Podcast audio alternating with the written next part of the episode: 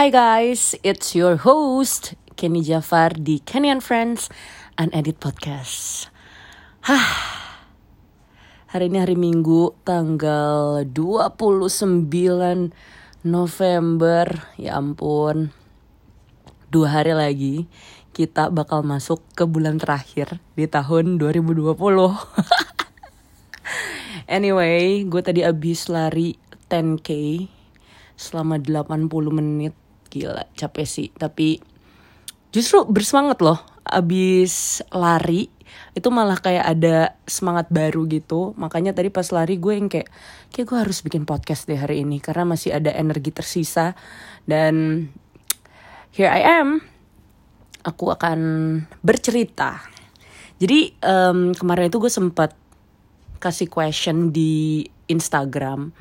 Uh, mau ceritain apa lagi nih di Unedit Podcast Salah satunya adalah cerita gue hampir diperkosa, ya kan? Um, gue tadinya mau judulnya di hampir diperkosa pendeta, tapi kayaknya terlalu vulgar ya. Jadi judulnya aku hampir diperkosa aja. anyway, kayaknya gue udah ready sekarang untuk ceritain. Sebenernya gini, gue nggak pernah nggak ready sih I mean um, gue nggak ada trauma sama sekali. Jadi kapan pun gue ditanyain atau uh, kapan pun gue mau cerita sebenarnya gue langsung cerita aja gitu. Oke okay. um, gak usah berlama-lama lagi. Gue langsung cerita bagaimana kronologis ceritanya. Kronologis atau kronologi? Anyway bahasa bahasa Indonesia gue nggak bagus. Oke okay, jadi um, gue udah lupa tahun berapa tapi yang pasti ini udah lama banget. Um, dulu gue masih bergereja di gereja bokap gue. Waktu itu bokap gue udah meninggal juga gitu. Terus si pendeta ini diundang ke gereja gue untuk berkhotbah. Nah gereja gue itu gereja kecil gitu loh guys yang um, jemaatnya mungkin kayak cuman 50 paling banyak 100 orang. Nah kebaktian itu dibagi jadi tiga kebaktian jam 8, jam 10 sama jam 5 sore. Karena gue gereja kecil, jadi biasanya yang pelayanan atau yang ada di panggung ya buat yang gak beragama Kristen gue kasih tahu kira-kira gambarannya. Jadi kalau kita di gereja itu kan biasanya ada nyanyi-nyanyi gitu kan. Nah gue tuh salah satu yang suka nyanyi-nyanyi. Tapi hari Minggu itu gue lagi gak bertugas. Terus si pendeta ini berkhotbahnya itu di jam yang terakhir yaitu jam 5 sore. Karena gue lagi gak bertugas hari itu, jadi gue emang gak ikutin ibadahnya dari awal. Tapi karena teman-teman gue bertugas di ibadah itu, jadi gue nyamperin kayak cuman buat say hi gitu. Terus um, ternyata pas gue sampai ibadahnya belum selesai, jadi gue sempet berpapasan atau sempet ngelihat si pendeta itu ada di atas panggung.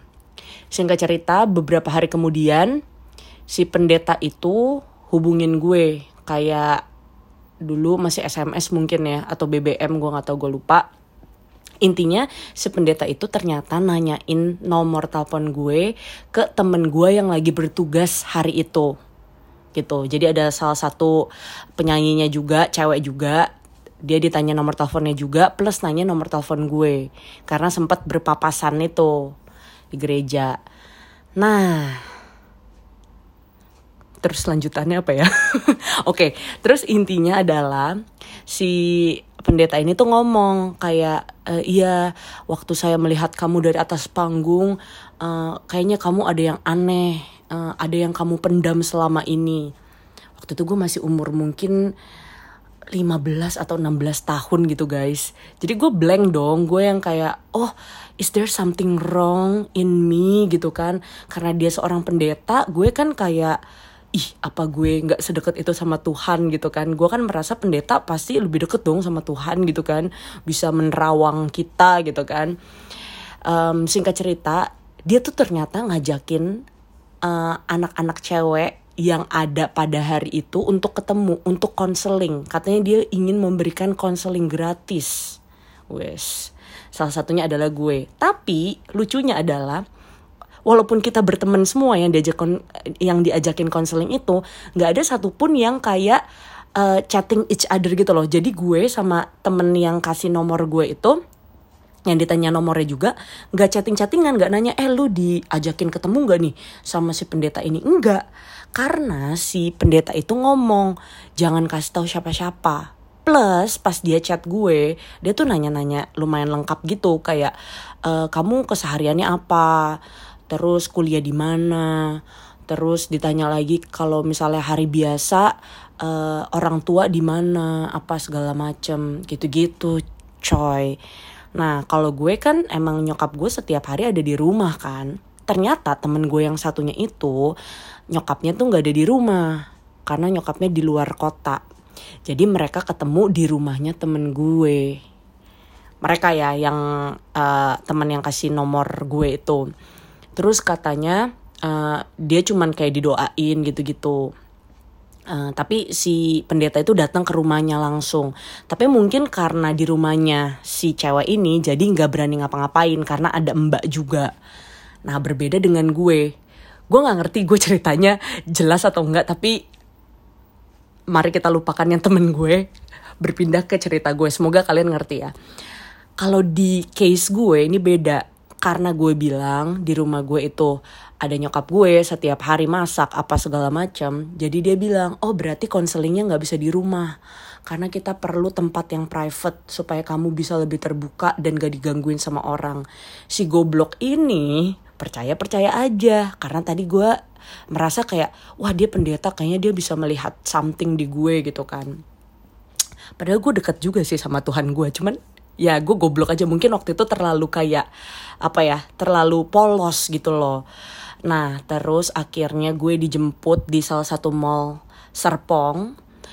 Terus pas masuk ke mobil, dia bilang, "Nih, pakai uh, penutup mata ini." Dia bilang, uh, "Soalnya saya mau bawa kamu ke suatu tempat, tapi selama di perjalanan saya akan nanya-nanya ke kamu supaya nanti konselingnya lebih jelas dan kamu supaya fokus nggak liatin jalan kanan kiri." Nah, gue sebenarnya udah merasa agak aneh di situ, tapi nggak tahu kenapa gue tuh ikutin aja. Tapi gue udah merasa aneh ngerti gak sih? Sampai akhirnya kayak kok ini agak aneh? Gue iketnya kayak nggak terlalu kenceng gitu. Terus selama di perjalanan tuh gue kayak ngintip-ngintip gitu loh guys. Nah gue tuh udah merasa kayak ini kok jauh ya dia bawa gue gitu kan? Pas gue ngintip-ngintip pokoknya lokasinya itu seingat gue dia bawa gue keluar Tangerang dan dia bawa gue ke daerah Kelapa Gading. Tapi Kelapa Gadingnya tuh yang kayak pinggiran gitu loh. Bukan yang kayak deket MKG situ-situ bukan. Um, terus dia bawa gue ke satu tempat jadi kayak ke rusun gitu. Jadi bukan apartemen tapi bukan rumah juga. Karena gue ingat itu kayak um, kayak kita naik lift atau naik tangga ke suatu tempat yang tinggi tapi tempatnya tuh nggak bagus gitu loh jadi bukan kayak apartemen mewah gitu gitu enggak Nah, sesampainya di apartemen itu, gue lupa ya kalau yang pas di perjalanan itu dia tanya apa aja. Intinya adalah pas di apartemen itu dia sudah mengambil kesimpulan kalau gue itu kehilangan sosok bapak karena waktu itu kan bokap gue udah meninggal kan. Jadi dia tuh uh, merasa kalau dia tuh bisa mereplace bokap gue. Tai gak sih guys? sorry sorry sorry. Gue ngomong kasar. Tapi intinya gitu. Jadi dia tuh seakan-akan mau mereplace tempatnya bokap gue. Kenapa gue bisa bilang kayak gitu? Karena pas masuk ke dalam apartemen itu ke dalam rusun itu rusunnya nggak bagus deh. Pokoknya gue masih agak-agak inget gitu uh, gambaran si rusun itu um, kecil pas masuk itu sebelah kirinya kayak ruang tamu agak kumuh. Terus sebelah kanannya itu ada kamar dan kamar itu ada lemari dan ada tempat tidurnya. Dan sebelahnya lagi itu ada uh, eh, WC WC-nya juga kayak WC jongkok gitu jadi lu bisa bayangin dong sejelek apa rusun itu.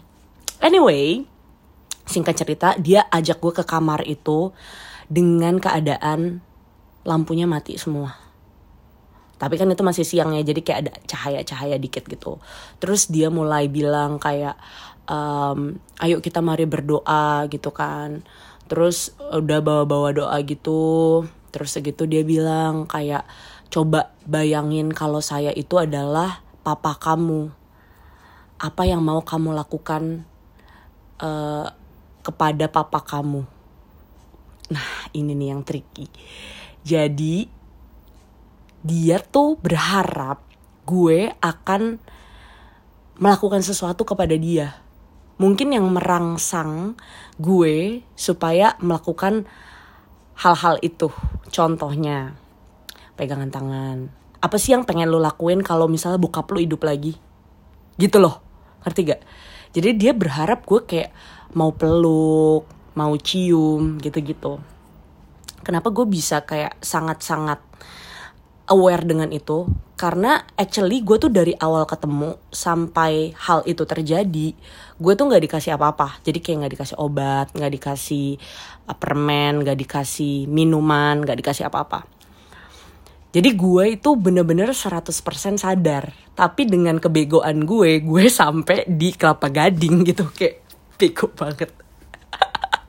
Oke okay, di oke okay, kita balik lagi ke pas lagi doa-doa itu ya. Dia bilang kayak apa yang pengen kamu lakukan ke papa kamu? Kalau misal papa kamu hidup lakuin itu ke saya gitu kan. Terus gue yang kayak uh, gue nggak pengen apa-apa sih. Kayak I mean bokap gue udah mati gitu loh. Bokap gue udah meninggal. Gue nggak bakal bisa menghidupkan bokap gue lagi. And I think my dad is irreplaceable. Ngerti gak sih? Siapa pun itu nggak mungkin bisa menggantikan bokap gue. Jadi pas dia nanya apa yang pengen kamu lakukan kepada papa kamu? Gue nggak pengen lakuin apa-apa. So that dia pegang tangan gue gitu kayak ayo lakuin aja kamu mau peluk kamu mau cium silahkan lakuin itu ke saya. Terus gue bilang nggak saya nggak mau. Saya cuma mau berdoa gue bilang kayak gitu kan. Itu mungkin kejadian terjadi 30 sampai 45 menit.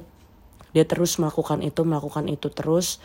Terus dia udah ngajak gue juga untuk duduk. Coba kamu tenangin diri dulu pikir lagi apa gitu-gitu deh. Pokoknya singkat cerita tidak terjadi apa-apa guys pasti kalian kecewa bukan?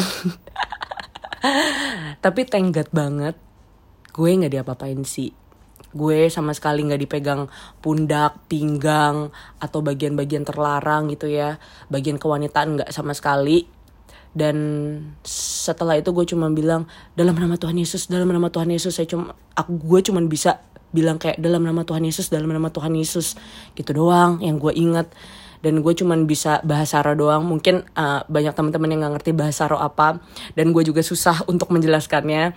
Jadi silahkan di Google aja. Intinya itu adalah doa yang sebenarnya nggak ada artinya. Cuman bisa diartikan dalam roh dan kebenaran. Anyway gue cuman bisa dalam nama Tuhan Yesus dalam nama Tuhan Yesus. Terus gue bilang uh, aku kayaknya udah selesai deh. Aku nggak mau ngomong apa-apa ke papi aku gitu Bisa itu dia juga udah kayak mungkin merasa gue terlalu lugu dan gue nggak bisa dirangsang dengan kata-kata dan dengan sentuhan. Um, udah ended dan sebelum pulang gue cuman minta ke WC doang dan itu gue totally 100% sadar karena gue bisa ceritain semua kejadiannya setelah itu sama temen gue jadi gue sama sekali eh, gue itu nggak minta dia anterin ke rumah gue gue nggak minta anterin ke rumah temen gue karena gue takut di track gitu gue bilang gue mau diturunin di mall yang sama yang dia jemput gue. Singkat cerita gue ceritain semua kejadiannya ke temen gue dan temen gue bilang mau kita laporin ke polisi nggak terus gue nggak ada bukti apa-apa kan gue nggak ada foto gue nggak ada rekaman suara dan sebagai macamnya terus gue langsung telepon cici gue dan cici gue bilang lu diapa-apain gak lu dikasih obat dikasih minum. Nggak sama sekali. So that gue berasa ya gue bener-bener merasa masih virgin 100% karena gue nggak nggak diapa-apain gitu kan. Dan yang lebih luar biasanya tau gak sih apa guys? Gue ini bisa menceritakan ini tanpa ada rasa sakit hati sedikit pun sama orang itu. Walaupun gue masih ingat namanya gue masih ingat sedikit uh, gambaran mukanya. Um, dan gue sama sekali nggak ada trauma sama apa pun itu juga. Maksudnya kayak sama pendeta sama yang kayak gitu gitulah sama tempatnya atau sama tutup mata gitu gitu kan. Ya gue bersyukur banget sih gue nggak punya trauma itu dan sampai sekarang pun gue ceritain ke kalian seperti yang tadi gue bilang gue sebenarnya mau ceritain kapan kapan aja gue siap gitu. Jadi dari podcast ini sebenarnya nggak ada yang bisa ditarik apa-apa nilainya. Tapi intinya gue cuma pengen bilang siapa pun itu maupun pemuka agama pun mereka adalah manusia guys. Ya jadi mereka bisa berbuat salah dan bisa jatuh dalam dosa juga. Intinya lo sebagai cewek lo harus um, apa ya lebih lebih responsibel sama diri lo lebih nggak lugu. Mungkin ada uh, adik-adik yang sekarang mungkin umur 15 umur 16 jangan bego kayak gue ya. Jadi uh, jangan terlalu lugu lah. Walaupun kalian mungkin seperti kayak gue kehilangan sosok bapak eh, nggak uh, punya kasih sayang terus kadang-kadang juga ada yang mungkin diputusin sama cowok. Terus kayak cari pelarian lain. Jangan pernah kayak gue oke? Okay? kalian ha harus jaga diri baik-baik. Dan satu lagi yang gue bilang bokap lo bokap kita itu nggak pernah bisa digantiin dengan apa pun dan dengan siapa pun. Not that oke? Okay? bokap lu cuman satu ya. Um, dan gue yakin kita harus dekat sama pencipta kita um, karena dia yang jagain kita gue tuh berasa banget waktu kejadian itu ada roh kudus ada Tuhan Yesus yang jagain gue sampai gue bisa sadar 100% dan gue bisa ceritain ini ke kalian so that's my story semoga teman-teman bisa jaga diri baik-baik. Oke? Okay? Jangan lupa kalau misalnya kalian uh, terhibur dengan cerita ini, jangan lupa di-share ya guys, karena kita turun lagi nih peringkatnya, beb. Nggak masuk top podcast lagi. Anyway, I'm so proud of you and I love you so much buat teman-teman yang udah dengerin warga podcast. Fighting!